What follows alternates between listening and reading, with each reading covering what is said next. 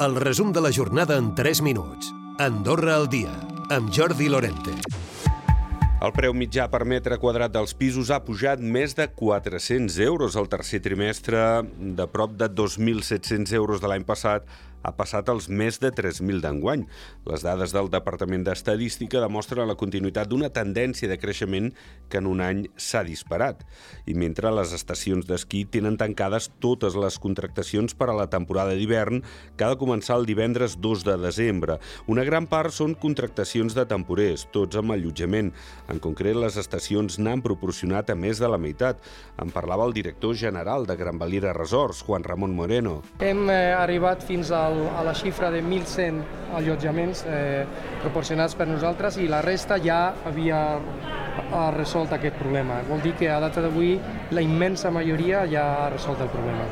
Sobre aquesta qüestió s'hi ha referit Carles Ensenyat, el president del grup parlamentari demòcrata.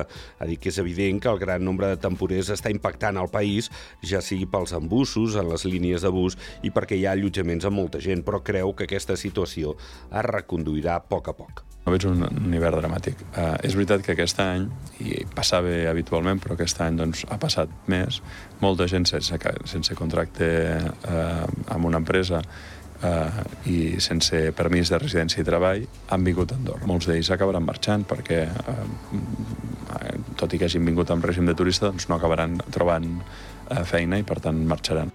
I més enllà del president del grup parlamentari demòcrata s'hi ha referit al propi cap de govern, Xavier Espot com més intervenim, menys rendible fem el mercat de lloguer, per tant, menys incentivem per tal doncs, que els propietaris construeixin habitatge nou de lloguer, per tant, menys oferta, i com que la demanda va creixent any rere any, els, els, preus, els preus encara es tensionaran més. Temporers, habitatge, temes recurrents, com també ho és des de ja i amb les primeres nevades l'inici de la temporada d'esquí.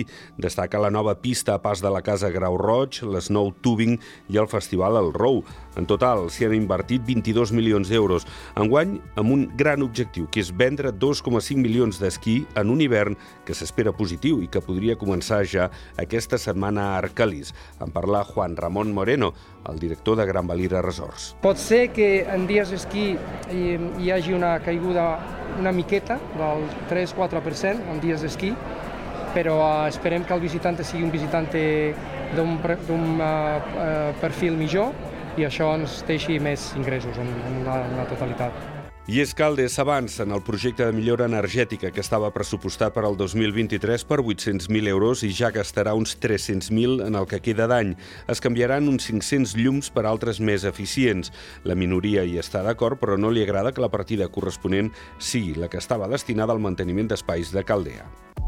Recupera el resum de la jornada cada dia a Andorra Difusió.